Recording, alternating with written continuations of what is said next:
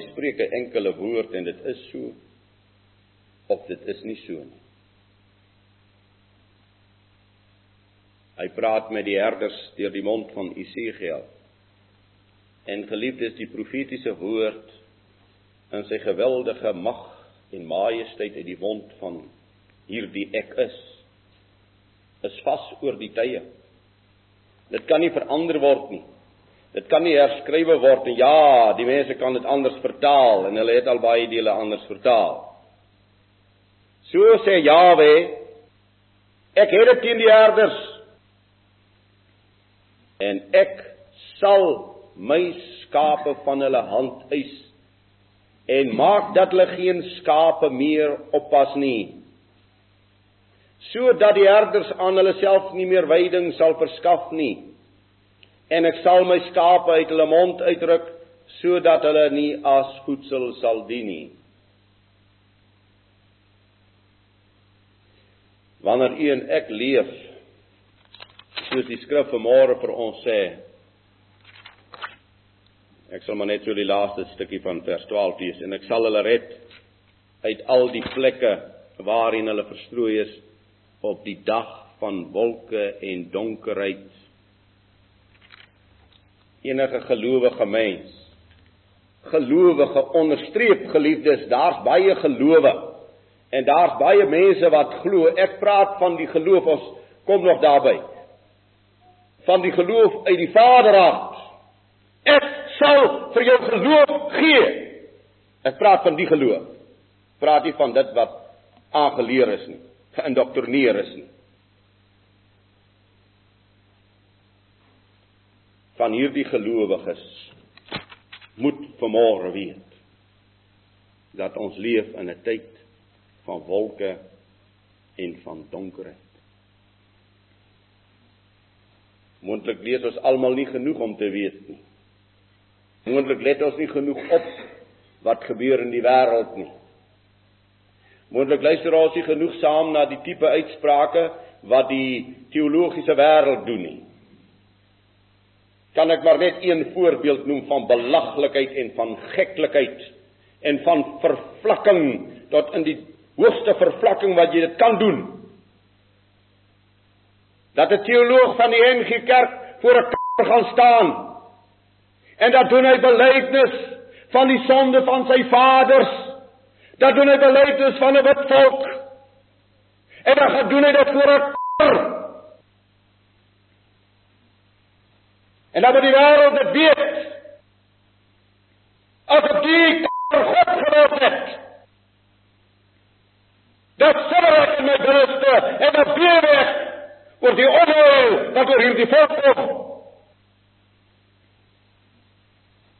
Ek sal sê Jawe op die dag van wolke en donkerheid my skape verlos van hierdie teoloë wat vet gevoer het en vet geword het omdat hulle my skape nie oppas nie. Hoeveel gee nog om vir die siel van die skaap? Maar hy's begaan oor die wêreld en om populêr te wees in die wêreld, om 'n aansien te wees in die wêreld, om deur die mens behaag te word in die wêreld.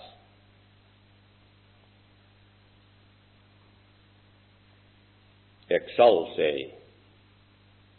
geliefdes in die stryd en in die worsteling van ons as mensies. Wat sal ons? Hy sê in Johannes 15 ek lees dit maar vers 5 ek is die wynstok julle die lote. Wie in my bly en ek in hom hy dra veel vrug want sonder my want sonder my kan julle niks doen nie. In die stryd en in die worsteling van die klein mens, wat sal ons doen? As Jawe wil. In geloof sal ek kan doen. As Jawe wil en hy my ook die geloof gee om te wil. Josia sê ek sal nie hiervan af optrek as u nie voorstap nie En as Jawe voorstap, dan hoef ek ook nie om te kykie want hy's ook die agterhoede.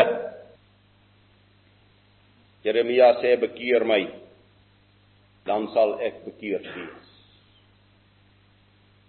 Kan ek die goeie ou verhaaltjie oor vertel? Van die leraar wat 'n besoekende leraar gehad het. Ek dink dit was Spurgeon gewees wat saam met hom geloop het in die straat te sê ja, sien jy daai ou wat nou daar so dronk in die straat, hy was ook een van my bekeerlinge. Dis sê Spurgeon vir hom te sê dit is omdat dit een van jou bekeerlinge was dat hy daar lê as dit God se was sou nie daar gelê het nie. Liefdes, hierdie is 'n groot waarheid. Bekeer my dan sal ek bekeerd wees. Verlos my dan sal ek verlos wees. Wie van ons het nie al geworstel met ons sondes nie? En hoe worstel ons met sonde in ons lewe om dit te oorwin of nie te oorwin nie? Om maar daarmee tevrede te bly. So sê Paulus, ons is so swak dat hy sê, so kom die Heilige Gees ons swakhede te help omdat ons nie altyd reg weet wat om te bid nie. So moet ook die Heilige Gees vir my in my gebed lei elke woord, want ek kan nie reg bid nie. Ek sal ook nie reg bid nie. Ek sal ook nie die welbehae van God bid nie. Yeshua het gesê daar is niemand wat goed doen nie. Selfs nie een. Daarom het hy gesê julle beste werke is 'n wegwerklike kleed voor my aangesig omdat in my goed doen. Waarom doen ek goed? Wat is die gesindheid? Wat is die motief van my goed doen? So ek kan alleen goed doen deur die Heilige Gees. Paulus sê as ek die goeie wil, dan staan nie kwaad my by. Of soos hy dit mooi sê, die goeie wat ek wil, dit doen ek nie. En die kwaad wat ek nie wil nie, dit doen ek. Jawe sê ek sal. Hy sal oordeel